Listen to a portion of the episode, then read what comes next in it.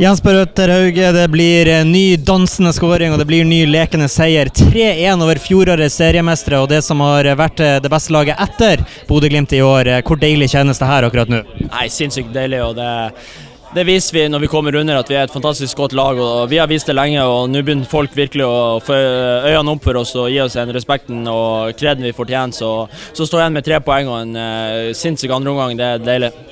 Du, eh, du synes du sleit litt i slutten av første omgang og legger deg også ned i det, det blåses pause. Hva er det som skjedde før pause? Og Jeg ser jo du kommer ut i andre omgang og skårer til og med mål, så kan du ta oss gjennom det?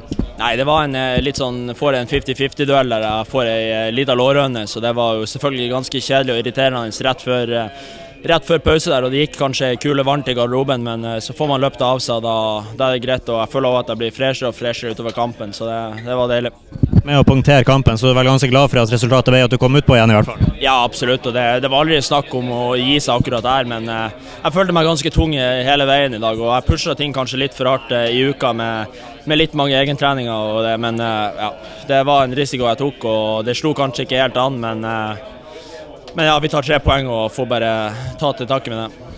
30 vanvittige poeng på 10 kamper. 30 poeng av 30 mulige. Aldri skjedd før. Aldri noen som har nesten vært i nærheten heller. Hvordan er det å være en del av det historiske laget her akkurat nå?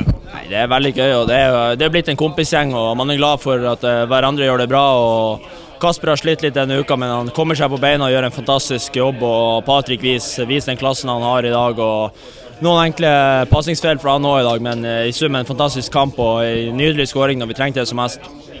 Det er jo sikkert noe du er lei av å svare på nå, men i tingenes eh, situasjon så er det vel noe du er nødt til å svare på uansett. Eh, du har sagt at du i hvert fall er ute i juli. Eh, det her var vel ikke din siste kamp på Aspmyra, håper jeg? Nei, det, jeg begynner å konkludere med hva jeg har lyst til, så det kommer vel en avgjørelse i løpet av de neste, neste, dagene der jeg tar et endelig valg.